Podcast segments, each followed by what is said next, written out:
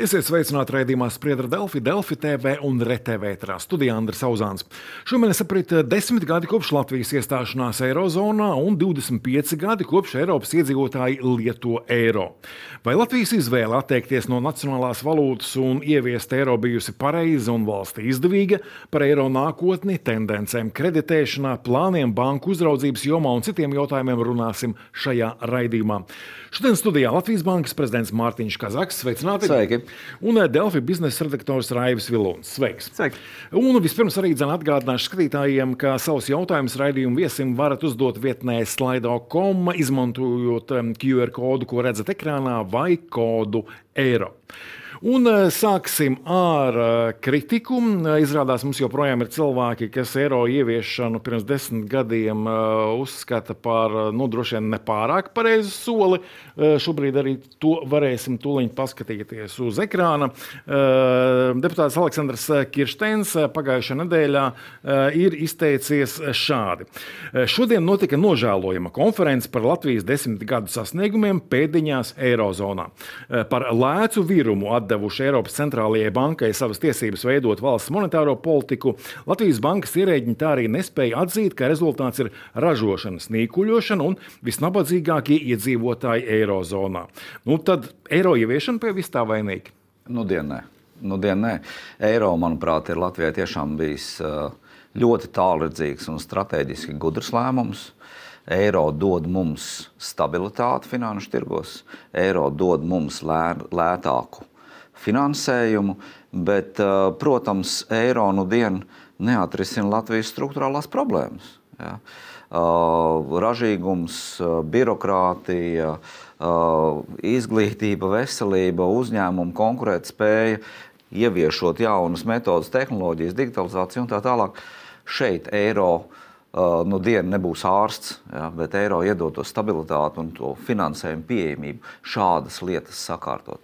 Un, uh, globāli skatoties, manuprāt, uh, mēs ļoti skaidri, jo īpaši šajā ģeopolitiskajā situācijā, redzam, ka ekonomikas un finanšu tirgus ziņā uh, dalība Eirozonā ir kaut kas līdzīgs kā dalība NATO drošības ziņā.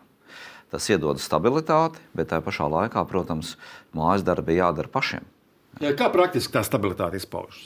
Nu, piemēram, paskatāmies uz, uz Latviju iestājās Eirozonā 2014. gadā. Un pēc tam uzreiz sākās Krievijas pirmais iebrukums Ukrajinā, Krimas aneksija un, un tā tālāk. Ja Latvija būtu ārpus Eirozonas, tas, ticamāk, ģeopolitiski iemeslu dēļ mums būtu radījis kaut kādus spekulatīvus uzbrukumus. Ja ir spekulatīvs uzbrukums, ko tas nozīmē? Procentu likums strauji pieaug. Ja? Tas nozīmē aizņemties grūtāk, esošo parādu apkalpot grūtāk un, un ekonomika ir vājāka, bezdarbs augstāks. Tajā brīdī, esot Eirozonā, mums nekāda tāda problēma nebija. Ļoti uzskatām, tas bija arī 2019. un 2020. gadā, kad sākās Covid-19. Uh, finanšu tirgi vienā brīdī praktiski aizsala. Neviens nezināja, kas īsti notiks. Un, uh, Nu, Turpat simts valstis prasīja starptautiskajām valūtas fondām finansējumu, jo finanšu tirgos aizņemties bija praktiski neiespējami. Latvijai nevienu brīdi nebija tādas problēmas. Ja? Un līdz ar to valsts aizņemoties uh, finanšu tirgos un par ļoti lētu uh, procentu likmi, uh, varēja atbalstīt ekonomiku. Līdz ar to krīze bija krietni seklāka, bezdarbs krietni mazāks ja? un atbalstu varēja sniegt. Līdz ar to um, Tās ir iespējas, ko mēs esam izmantojuši, ja, bet ir, protams, arī virkni lietu, kas nav izmantotas. Tās ir vairāk tiešām šie paši savu mājas darbi, nacionālās politikas, ja, kas spēcinātu ekonomiku. Vēl vienu tādu ļoti uzskatāmu, ja, manuprāt, piemēru. Paskatāmies 8. gada krīzi ja, un to pašu 20. gadu. Finanšu tirgi abos gadījumos pasaulē aizsala. 8. gadā Latvija aizņemties nevarēja, milzīga, uh, dziļa krīze, jā, fiskāla konsolidācija un tā tālāk. 20. gadā tā vietā valdība varēja atbalstīt ekonomiku. Bet uh, nē, es vēl domāju par uh, kritiku. To. Uh, vēl viena kritika, arī, kas izskan ne tikai no radikāļiem, ir par to, ka eiro ir kā viena zeķe, kuru grib uzmaukt visās pēdās. Jo nu, Eiropas Savienībā ir ļoti dažādas valsts, ir ļoti dažādi gan ekonomisko struktūru, gan ekonomisko jaudu. Un, teiksim, pieņemsim arī pēdējā gada laikā runājot tieši par procentu likmēm, tas arī ir izskanējis. Nu, tas, kas der Vācijai un labi Vācijai, ne obligāti ir mums Baltijas valstīm šeit derīgi. Kā jūs komentējat šo kritiku? Jums ir taisnība. Es gan nezinu par zeķiem, bet vairāk to kurpes izmērs. Ja?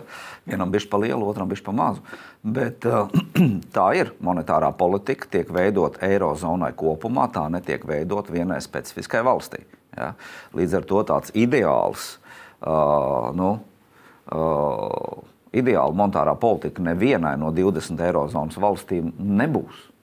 Uh, bet tie plusi, ko mēs iegūstam no eiro, ir krietni, krietni lielāki. Līdz ar to, ko tas nozīmē, tas nozīmē, eiro mums dod stabilitāti, dod iespēju aizņemties, dod iespēju finansēties lētāk. Bet šajā situācijā tiešām ir ļoti svarīgas šīs nacionālās politikas. Ja? Ko dara ar fiskālo politiku, ko dara nodokļu politika, ko dara jo īpaši ja? struktūrālā politika.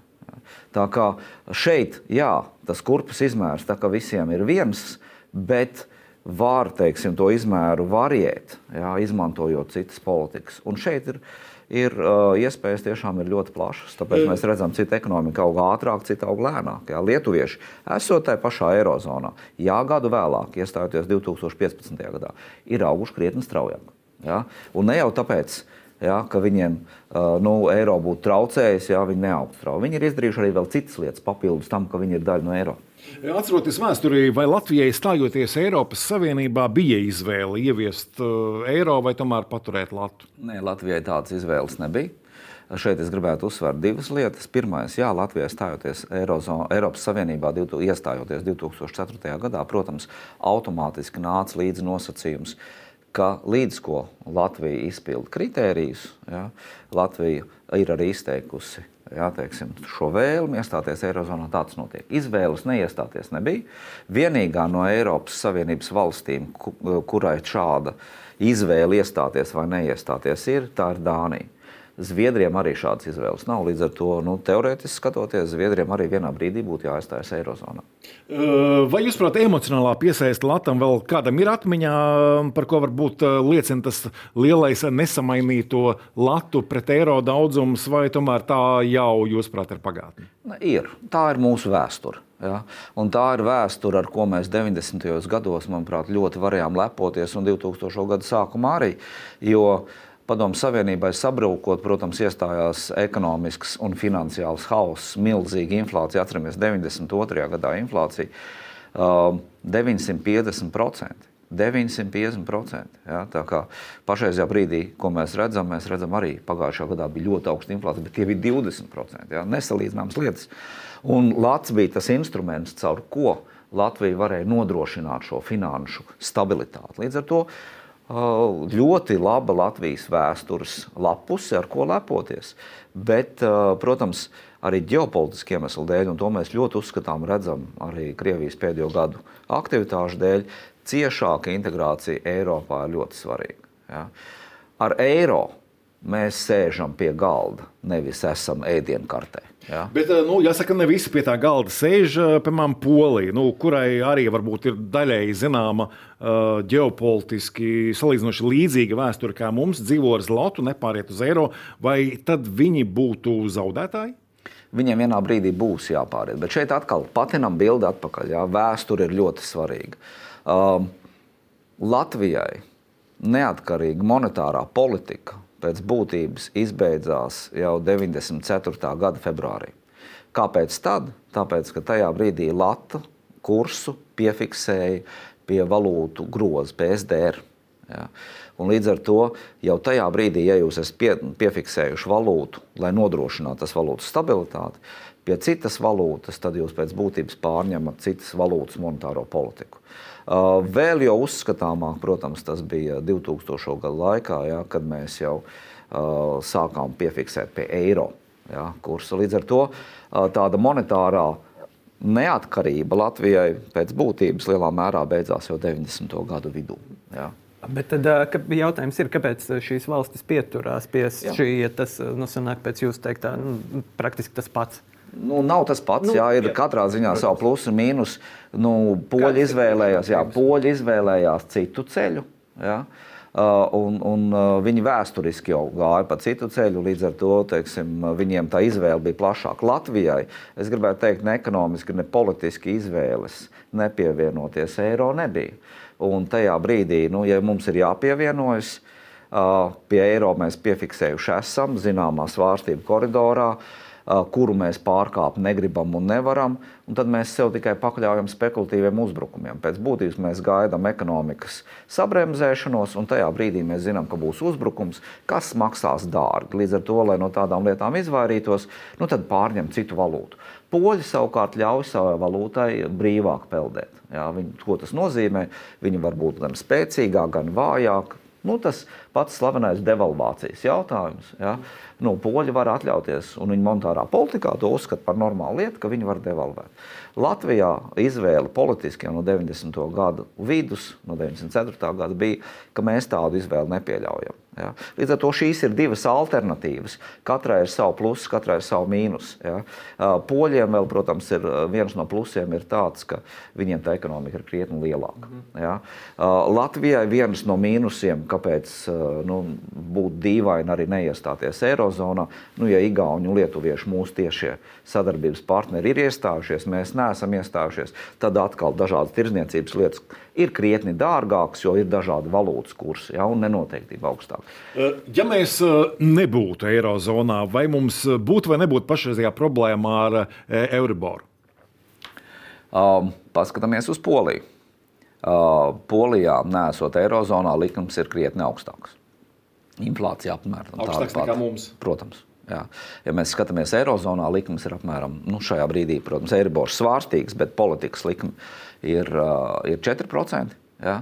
Uh, un savukārt poļiem nu, gandrīz divreiz augstāk. Līdz ar to um, tas monetārās politikas cena būtu augstākas procentu, neatkarības cena būtu augstākas procentu likmes, kas uzņēmumiem, protams, būtu sāpīgāk. Runājot par Eiropas centrālās bankas lēmumiem par procentu likmēm, uz ekrāna varam paskatīties šo secinājumu. ASV pieredze rāda, ka inflācija pēc strauja samazinājuma var atgriezties, ja ierobežojušā monetārā politika tiek mazināta par agru. Nu, vai tas ir mājiens uz to, ka procentu likuma samazinājums vēl nav tik tuvu? Um, divi elementi. Uh, pirmkārt, um, Manuprāt, tas ir, kā mēs arī bildē redzam, ja, tas ir tiešām ļoti liels sasniegums un panākums, uh, ka inflācija ir tik strauji samazinājusies. Ja, mēs atceramies, Latvijā pagājušā gada sākumā 20%, gada beigās apmēram 1%, Eirozonā, kā mēs redzam, turpat 10%, un tagad jau ir uh, zem 3%. Ja. Līdz ar to tas inflācijas straujais samazinājums tiešām ir ļoti svarīgs. Jā, diemžēl to var panākt tikai ceļot procentu likumus. Bet sāpes no inflācijas ir katram iedzīvotājam un uzņēmumam, un tas sāpes ir krietni lielāks, jo īpaši iedzīvotājiem ar mazākiem ienākumiem. Ja? Procentu likums tomēr trāpa tikai par nelielu daļu sabiedrības. Tā kā kodu, kurā pirkstā grib, viss sāp, bet likuma celšana šajā brīdī ļoti svarīga, lai nodzītu inflāciju lejā. Otrs punkts. Uh, Kā jūs jau minējāt, un kā mēs redzam attēlā, 70. un 80. gados līdzīga situācija arī naftas resursu cenu kāpuma izraisīts ļoti strauji inflācijas kāpums. Atslāba krietni pātru, domā, ka inflācija ir jau beigusies. Un, diemžēl tā atdzīvojās. Jā, tas puķis ir nospiests pašreizajā brīdī pie zemes, bet nokauts vēl nav. Līdz ar to uh, steigties ar procentu likmi samazināšanu nozīmētu uzņemties ļoti lielus riskus, ka, likmes, ka inflācija atkal sāk augt. Un tajā gadījumā savukārt procentu likmes būtu atkal jāceļ un jāceļ krietni virs tiem pašreizējiem 4%. Līdz ar to krietni gudrāk ir uh, nogaidīt, pārliecināties, ka likmes uh, ir izdarījušas savu darbu, inflācija vairs neaugs, un tad likmes pamazām sākt atbrīvot. Tas ir pirmais punkts. Otrais punkts. Protams, finanšu tirgi strādā ne tikai uz šo brīdi, bet skatās, kas varētu notikt nākotnē. Un, ja pasaulē nekas ļoti negaidīts nenotiks, ko mēs redzam, tad inflācijas problēma diezgan labi risinās.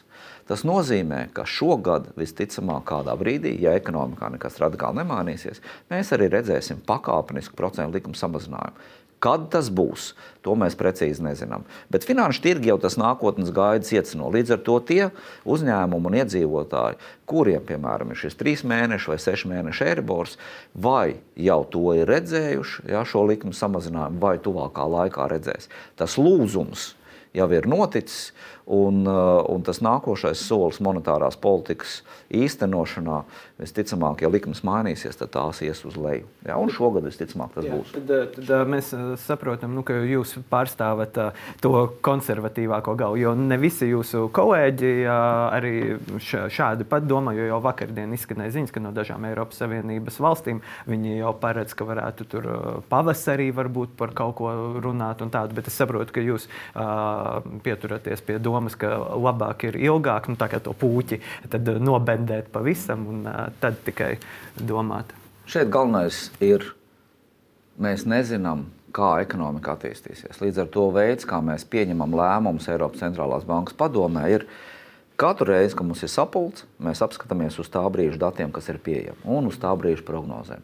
Līdz ar to šajā brīdī pateikt, kurā brīdī konkrēti likums tiks samazināts. Ja? Mēs dzirdam, finanšu tirgos runā mārts, aprīlis, jūnijas vai kaut kas cits. Tas vienkārši nav zināms. Ja? Tad, kad mēs būsim martā, tad mēs redzēsim jaunās prognozes, tad mēs redzēsim tos datus, kas mums ir, un tad mēs varēsim saprast, vajag vai nevajag. Tad, kad mēs būsim aprīlī, mēs darīsim tieši to pašu. Ja? Apskatīsimies, kas ekonomikā notiek. Līdz ar to, uh, protams, viedokļi atšķiras, un tas ir ļoti labi, ka viedokļi atšķiras, jo tad mēs diskusiju rezultātā varam nonākt pie kvalitatīvāka lēmuma. Ja, ja visi domātu vienādi, tad ir baisais risks, ka visi nokļūdās. Ja. Tieši tāpēc, manuprāt, ir ļoti labi, ka viedokļi ir dažādi. Un tas ir spēka punkts. Bet šajā brīdī es nu dienu neņemtos teikt, kurā mēnesī likmēm būtu jāiet uz leju, jo mēs vienkārši nezinām. Un viena no tām būtiskajām lietām Eiropā, kas ir, ir kas vēl nu, ir neskaidrība, ir tā, kas notiks ar algām, kas notiks ar darba tirgu. Mēs redzam, ka jā, ekonomika Eiropā ir vāja. Jā, tur pa nulītēm vai nelielos mīnusos un nelielos plusiņos, bet darba tirgus joprojām ļoti spēcīgs. Bezdarbs ir vēsturiski zemos līmeņos. Algu spiediens ir diezgan spēcīgs, un tā bāža ir tāda, ka algu spiediens atkal pārvelsies inflācijas jaunā kāpumā. Līdz ar to, ja mēs varam pārliecināties, ka tas algu spiediens pamazām sāk mazināties, jā, kļūst algu kāpums lēnāks, algām ir jāaug. Tā inflācija būs jānokompensē. Ja? Bet, eh, ja tas notiek pārāk strauji, tad tas var atkal iegriezt inflācijas spirāli. To mēs negribam, jo mēs negribam pēc tam celt likumus, kas ekonomikā, piemēram, izraisītu krietni augstāku bezdarbu. Cik liels ir Latvijas pārstāvju iespējas ietekmēt Eiropas centrālās bankas lēmumus? Tieši tādas pašas kā Vācijas, Francijas vai, vai kuras citas valsts. Jūs Visiem ir viena dažādība. Cik liela viedokļa dažādība nu, ir šajā Tas ir atkarīgs no tā, kurā brīdī. Ja? Mēs par to runājam, un, protams, ja nāk tāda pavērsiena punkta, ja, tad, protams, to viedokļu atšķirība ir lielāka. Bet uh, mana pieredze pēdējo četru gadu laikā ir tāda, ka mēs spējam ļoti labi. Ja? Uh, novienoties. Un prezidents šajā ziņā tiešām Lagardas kundze dara ļoti labu darbu, jā, sanesot kopā dažādas viedokļus, ļaujot cilvēkiem izteikt savus viedokļus, un pēc tam tiešām nofokusējot to lēmumu tā, lai vairākums, nu, vismaz vairākums, ja ne visi, to atbalsta. Tas, ka vienmēr viss atbalsta, tā nu diena nav. Ja? Bet vairumā gadījumu līdz šim ir bijis tā, ka visi atbalsta šos lēmumus. Eh, uz ekrāna šobrīd varam paskatīties, eh, kā pēdējos desmit gados eiro ir konkurējis ar ASV dolāru. Nu, bet jāsacina, ka uh, eiro kursa kritums gandrīz 20% šo desmit gadu laikā. Kādi ir šie galvenie iemesli? Tad redzam kritumu 14. gadā sākumā, nu, un, protams, iestājoties Krievijas iebrukumam uh, Ukrainā 22. gadā. Bet kādi tad ir tie iemesli, kāpēc tie 20% un vai tie 20% ir daudz vai mēs esam labs? Konkurence dolāram? Um, jā, jūs jau galvenos iemeslus uh, pieminējāt. Uh, pēdējo gadu laikā, protams, tas ģeopolitiskais risks finanšu tirgos. Jā. Uh, ASV šāda ģeopolitiska riska nav. Vēl viena ļoti būtiska lieta ir, uh, Eiropas Savienība un Eiropa kopumā ir energoresursu importētāji. Jā, mēs nesaražojam pietiekoši daudz uh, paši priekš sevis. ASV savukārt ir jau eksportētāji. Ja? Tas nozīmē, viņi pelna no augstām energoresursu cenām, atceramies pāris gadus atpakaļ. Ja? Mēs, diemžēl, ciešam no tā. Līdz ar to šeit arī dažādas dinamikas. ASV ekonomika arī ir krietni. Krietni straujāk augošo. Ja? Šo pēdējo desmit gadu laikā mēs redzam, ka tomēr vidējais izaugsmes temps ir augstāks un straujāks. Arī fiskālais atbalsts, ja? budžeta tēriņā ASV ir bijuši krietni apjomīgāka nekā Eiropā. Līdz ar to ekonomika ir augusi zemāk, lēnāk, un ja ekonomika aug lēnāk, tad arī valūta parasti ir mazliet vājāka. Ja. Bet uh, tie ir teorētiski kaut kādā nu, nākotnē. Varam uzvarēt dolāru konkurences cīņā, vai tas nav iespējams? Es ļoti, do, nu, ja Eiropa to beidzot nu, sāks uztvert ļoti nopietni, ja, tad gan jau kādā brīdī tas būs iespējams. Ja, bet, bet eiro, protams, ir ne tikai uh, ekonomisks spogulis, ne tikai monetārās politikas spogulis. Proti, ja šeit procentu likums ir augstāks, tad ārvalsts šeit investēs un arī eiro kurs pieaugs, eiro kļūs vērtīgāks. Bet, protams, arī ģeopolitisks un uh, politisks uh, rezultāts. Jo ASV ir viena ekonomika, ASV ir viena ārējā politika, ja? ASV ir uh, nu, militāri krietni lielāks spēks. Ja? Eiropā šis ASV federāla valsts, ja? Teiksim, nu, teik, nu, pavalsts, viss veido vienu valsti. Eiropā tomēr mums šī integrācija ir krietni mazāka. Ja? Un, uh, ko tas nozīmē? Tas nozīmē, ka nu, mums tāda kopīga, uh, teiksim, ārpolitiska ietekme Eirozonai un Eiropas Savienībā ir krietni mazāka nekā ASV. Uh, Kad tas notiks, es domāju, tad mēs mierīgi varēsim arī izaicināt ASV dolāru. Pašreizajā brīdī, protams, ja mēs skatāmies uz tā saucamajām rezervu valūtām, ja, mēs redzam, ka uh, ASV dolāram ir apmēram nu, 60% ja, loma pasaules tirgos. Eiro ir otra galvenā rezerve valūta, kas ir liels arī ģeopolitisks spēks bet apmēram 20%. Ja, tad pārējās visas valūtas jau krietni, krietni zemākas. Līdz ar to eiro ir, ir tā nu, solīda otrā vieta ja, pasaules valūtu reitingā. Vai mēs to varētu paspiest uz augšu viennozīmīgi, vai Eiropa no tā iegūtu viennozīmīgi. Bet šeit ir vēl viena lieta, arī Eiropas mājas darbs. Um, ASV ir ļoti svarīgi un attīstīti finanšu tirgi. Ne tikai bankas, bet arī akciju tirgi, jā, obligāciju tirgi un tā tālāk. Eiropā ļoti dominē bankas un pārējie tirgus elementi ir krietni mazāk attīstīti. Un, ja kāds grib investēt uh, ASV, tad tas ir krietni vienkāršāk nekā investēt Eiropas Savienībā. Līdz ar to šeit ir arī Eiropā ļoti daudz darāmo uh, darbu, un viens no tiem ir kapitāla savienības izveide. Jā. Jā, par to arī parunāsim. Vēlreiz atgādināšu skatītājiem, ka savus jautājumus raidījumā viesim varat uzdot vietnē slaido.com, izmantojot QR kodu, ko redzat ekrānā, vai kodu eiro. Vēl viens interesants jautājums par mazajām eiro valstīm. Um, eiro tad ir nacionālā valūta valstīs, kas nav pat Eiropas Savienībā, piemēram, Melnkalnē vai Kosovā. Kā tas vispār ir iespējams un uh, vai šīm valstīm nav iespējas pieņemt kaut kādus lēmumus, kas uh, kaut kad var apdraudēt eiro stabilitāti vispār? Eiro stabilitāti viņi neapdraudēs, uh, jo viņi ir pārāk mazi. Bet, protams, kaut kādas nepatikšanas var izraisīt, bet šeit galvenais risks būtu viņu pusē. Pirmais, kādēļ viņi ir izvēlējušies eiro, un tāpēc, ka viņi eiro, viņiem ir tāds stabilitātes ankurs. Ja, šis stabilitātes punkts, kas viņiem nodrošina monetāru stabilitāti, inflācija ir apmēram tāda pati kā Eirozonā. Līdz ar to teiksim, viņi nodrošina to stabilitāti. Problēma gan ir tāda, ka, protams, viņi nav to saskaņojuši ar, Eiropas, ar Eirozonu. Ja, līdz ar to krīžu brīžos Eirozonai nu dienu nav pienākums viņiem palīdzēt. Ja, ja pietrūkst eiro, nu, viņiem būtu grūtības to aizņemties. Līdz ar to tur ir gan plusi, gan mīnusi.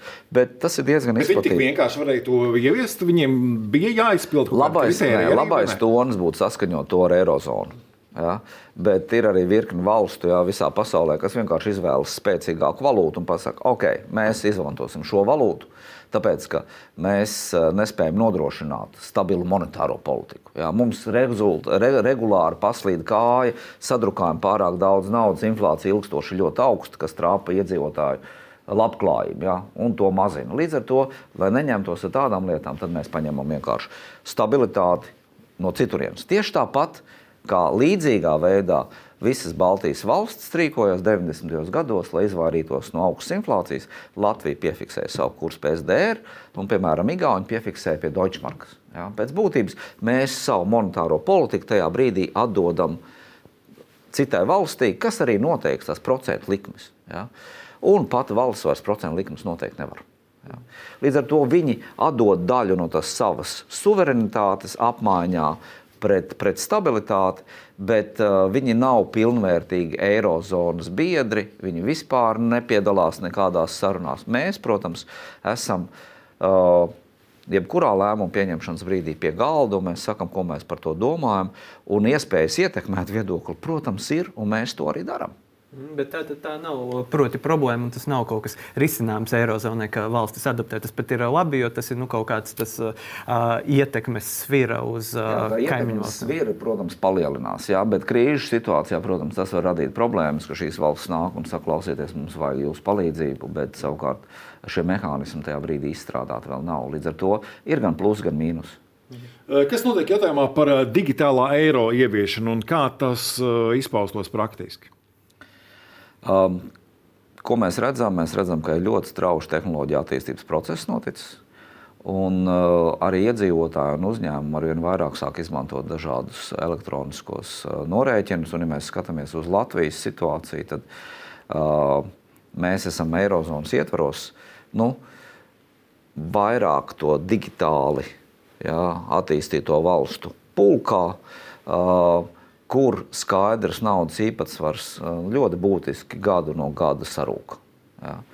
Un tehnoloģijām attīstoties nākotnē, tā arī visticamāk šī tendence turpināsies. Līdz ar to iedzīvotāji izmanto mazāk skaidru naudu, ja, un viņi zaudē tās skaidrās naudas priekšrocības, ja, piemēram, pri, privātumu ja, un tādas lietas. Lai tas nenotiktu, tad, protams, centrālā banka dod iedzīvotājiem iespēju izmantot gan skaidru naudu, ja, ko mēs uh, nodrošināsim, kamēr vien iedzīvotājiem būs vēlme skaidru naudu izmantot. Tad, tad Bet, plāna atteikties no skaidras nav. nav. Nu, pašreizajā brīdī, un tad, kad neviens neizmantos, to mēs arī nedosim. Ja? Bet, bet šāda plāna nav, un Eirozona ir ļoti da dažāda šajā aspektā, un ir valstis, kur skaidra nauda vēl ar vienu ir ļoti, ļoti populāra. Latvijā apmēram trešā daļa no visiem maksājumiem tikai notiek skaidrajā naudā. Ja?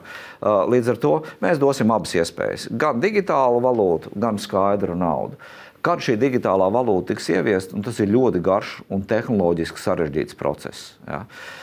Mēs esam noslēguši jau zināmu posmu, ja, bet tur vēl vairāki soļi ir ļoti svarīgi, kas ir jāizdara, lai vispār nosacinātu, vai eiro, eirozona ieviesīs eiro. Tāds gala lēmums vēl pieņēmts par digitālo eiro nav. Tas ir darbs, ja, kas notiek vēl joprojām. Un tas ātrākais termiņš, kad digitālais eiro varētu parādīties, ir nu, teiksim, piemēram 28. gads. Ja. Līdz ar to tas ir ļoti vēl nu, tā ikdienas. Tādā mērījumā ļoti tālu. Ja? Bet tā ir neizbēgamība. Ko tas digitālais eiro maina nu, katra cilvēka dzīvē? Kas cilvēka dzīvē kļūst ērtāk, labāk, vienkāršāk? Nu, nebūs jānēsā skaidra nauda līdzi. Jā, jums būs kaut kāds risinājums, kas būs digitāls. Bet, bet jā, tagad kartiņu, mums ir iespējas to nu, izmantot bezskaidru naudu, piemēram, maksāt ar telefonu. Kas, kas jā, ar digitālo jā, eiro būs, būs, būs labāk? Digitālais eiro būs tāds, ka tā ir nauda, kuru garantēs, kuras drošību garantēs centrālā banka. Ja.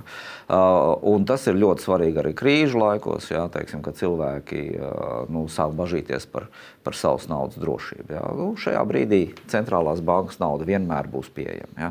Tas ir iedzīvotāju un uzņēmumu vērtībai. Vēl viena interesanta lieta, protams, kas pašreizajā brīdī Latvijā nav īpaši izplatīta, ja, bet pie kā mēs strādājam, ir tas, ka ar šo pašu digitālo eiro nākotnē varēs norēķināties arī tad, ja jums ir pieslēgums internetam, vai arī zināmas summas ietvaros, arī ja nav pieslēgums. Ja? Tā saucamie offline risinājumi. Ja? Nu, var būt dažādas dabas katastrofas, var būt elektrības pārāvumi. Ja? Tajā brīdī jūs pie bankomāta netiksiet, ja? jo tur nav elektrības. Ja? Tā tālāk. Ja? Līdz, līdz ar to digitālais eiro būs arī nu, tāds drošību pastiprinošs risinājums. Jā, vai tur ir arī kaut kāds, mēs jau iepriekš pieskārāmies par to, ka uh, eiro no valūtas spēka ziņā atpaliek no dolāra, vai šeit ir arī kaut kādas tās priekšrocības? Tāpēc, ka zināms, ka arī ASV skatās uz digitālo dolāru un daudz pasaules valsts skatās šiem risinājumiem. Vai tas var dot eirozonai arī kaut kādu nu, priekšrocību? Jo, cik es saprotu, vismaz tā ir jūsu kolēģi teikuši, ka mēs esam priekšā uh, visai pārējai pasaulē izskatot šos jautājumus un jau izstrādājot plānus un konceptus? Um. Nu, ir virkni valstu, kas jau dažus no elementiem sāk ieviest, jā, bet nu, no lielajām valūtām, jā, bet no lielajām valūtām viennozīmīgi jā, eiro ir, ir, ir, ir ļoti tālu jau salīdzinot ar citiem. Uh, vai tas palīdzēs nostiprināt eiro starptautisko lomu? Viennozīmīgi. Uh, bet tie arī ir ļoti sarežģīti tehnoloģiski risinājumi, jā, jo privātums. Uh, Skaidrai naudai ir ļoti būtisks iegūms, ir, tas, ir anonimitāte un privātums. Uh, digitālais, riski, eiro, digitālais eiro arī būs ar ļoti spēcīgu privātumu. Jā. Datus neviens nevarēs dabūt, kur tas nav nepieciešams. Bet līdz ko jūs sākat veikt pārobežu norēķinus, tad ir jāatrisina jautājums, kas notiek ar datu pārvaldību šajās valstīs. Ja? Mhm. Par sevi mēs būsim diezgan pārliecināti. Ja? Mums būs likumi un arī mēs viņus ievērosim. Bet līdz ko tas iet pāri mūsu robežām, tad uzreiz sāks citas jurisdikcijas. Līdz ar to šie jautājumi ir sarežģīti un tehnoloģiski risināmi. Ja. Bet viennozīmīgi spēcīgs digitālais eiro palīdzētu eiro lomu pasaulē nostiprināt. Un no tā mums visiem būtu iegūms. Mums ir arī skatītāji jautājums, nu, tīri praktiskas dabas, kāpēc banku maksājumiem ir komisija, bet ar revolūtu nē. Kāds iespējams, ka ar revolūtu ieskait valsts kasē naudu izdevīgāk nekā caur, piemēram, četrām Latvijas bankām? Nu, es ar šo nesaprotu. Ja? Un mans mudinājums ir eh, lielajām četrām bankām, ko eh, jautās eh, klausītājs, arī paskatīties uz savu konkurētspēju ja? un šīs komisijas samazināt. Ja mēs skatāmies uz, uz to pašu revolūciju, nu, viņi šajā gadījumā piedāvā lētāku un kvalitatīvāku pakalpojumu. Un ļoti labi tas spēcina konkurenci. Mans mudinājums ir lielajām bankām uh, skatīties tālāk. Ja? Uh, un domāt, kā mēs varam nodrošināt, kā tās var nodrošināt nu, vismaz tikpat kvalitatīvu un lētu pakalpojumu kā Revolūta. Ja? Šī ir konkurences cīņa. Līdz ar to uh, Revolūts ir atradis risinājumu, ko iedzīvotāji uzskata par labu. Nu, mans mudinājums ir mūsu jau spēcīgajām lielajām bankām atrast vismaz tikpat labus risinājumus. Ja? Jo iedzīvotāji, protams, izvēlēsies pakalpojumu, kas tiem ir labāks. Un, un līdz ar to šeit, jā, Bankām, bankām šāds solis, manuprāt, ir jānovērtē un jāspēr. Un mēs redzam, ka kaut kāda kustība pamazām notiek. Jā, es nesaukšu bankas vārdā, jo tad man nu, teiks, teiks, ka es kādu reklamēju. Jā. Bet uh, uh, paskatieties savās uh, banku internetbankās, jā, un uh, viennozīmīgi ir jau uzlabojumi, kur mēs redzam, ka sāk samazināt šīs komisijas maksas. Bet tur vēl zināms ceļš ejams. Līdz ar to mans mudinājums jā, dariet to un sarunājieties ar bankām, ko mēs regulāri darām, pārnājot esošo situāciju, skatoties no uzraudzības puses, uh, pakalpojumu pieejamību. Un kvalitatīva pakalpojuma pieejamība ir tas mūsu galvenais uzdevums, ko mēs gribam panākt. Ko plānots darīt ar banku pārregulācijas mazināšanu, lai nu, teiksim, tādu klientu parasto neuzskatītu par potenciālu Ziemeļkorejas režīmu atbalstītāju? Pie šī mēs strādājam jau vairākus gadus, un jo īpaši teiksim, Latvijas bankā tas ir ienācis līdz ar FKTK kolēģi pievienošanos Latvijas bankai pagājušā gada sākumā. Līdz ar to gadu mēs ar šīm lietām Latvijas bankā nodarbojamies. Tā īsi pasakot, tas galvenais uzsvars mums ir godprātīgam klientam, draudzīgs banku sektors. Un tur mēs skatīsimies ļoti uzmanīgi par ļoti dažādām tēmām, sākot jau ar to, ka bankas, atvainojos, diemžēl, atsevišķos gadījumos pārspīlē ar prasībām. Tiešām godīgiem klientiem prasa pārāk detalizētu un nevajadzīgu detalizētu informāciju. To mēs esam ļoti uzmanīgi ar bankām, nu, tā punktu pa punktam gājuši cauri. Turpināsim to darīt, palīdzēt bankām saprast situāciju, kur viņas pārspīlē. Ja? Jo diemžēl tie pārspīlējumi joprojām, ir. Otrs punkts mēs arī mazinām. Jā, pagājušā gadā esam darījuši, turpināsim to arī šogad. Regulāciju jā, vienkāršot. Jā, tas regulējums atsevišķos gadījumos ir sarežģīts, pārprotams, varbūt tās prasa mazliet vairāk nekā vajag. Līdz ar to šīs lietas mēs ravējam ārā, uh, uzlabojot to procesu un vienkāršojot, un tādā veidā cerams padarot to arī krietni lētāku klientiem. Uh, un trešais, protams, uh, izpratne. Izpratne par to, kāda ir risku vadība. Latvija nu dienu nav vairs 2018. vai 2019. gadā, kad šis naudas atmazgāšanas skandāls mums trāpīja. Bankas ir kļuvušas krietni, krietni gudrākas, krietni labāk ekipētas un šīs lietas saprot labāk.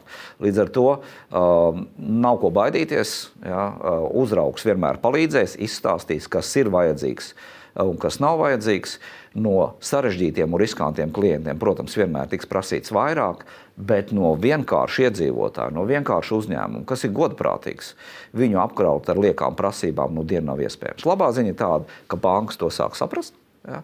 Un līdz ar to, manuprāt, šī sadarbība uh, veidojās kvalitatīva, un, uh, un tur šī gada laikā es gribētu redzēt jau ļoti, ļoti labu uzlabojumu.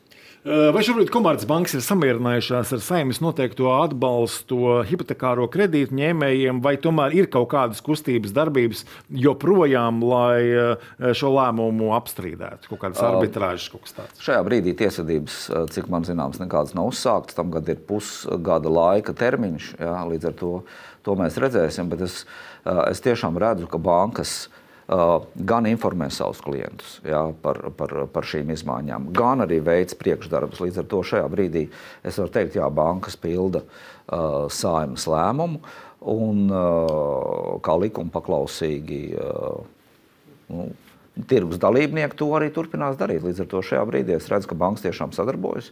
Jā, tas ir ļoti labi. Jā, pavisam ātri, vienīgais, nu, ja mēs pieredzēsim to, ko mēs sarunas sākumā minējām, ka tas procentu likmes tomēr kritīsies, un varbūt viņas beigās jau krīt, jau krīt un jau nu, krīt. sasniegs jā. kaut kādas jau saprātīgas lēmumus. Tas, bet principā tas nozīmē, ka saimnes lēmums ir bijis, un tad bankām tik un tā ir šīs kompensācijas jāsniedz, neskatoties, vai kaut kādā brīdī iestāsies brīdis, nu, ka tas nenotiek, jo procentu likmes ir sasnieguši to iepriekšējo līmeni.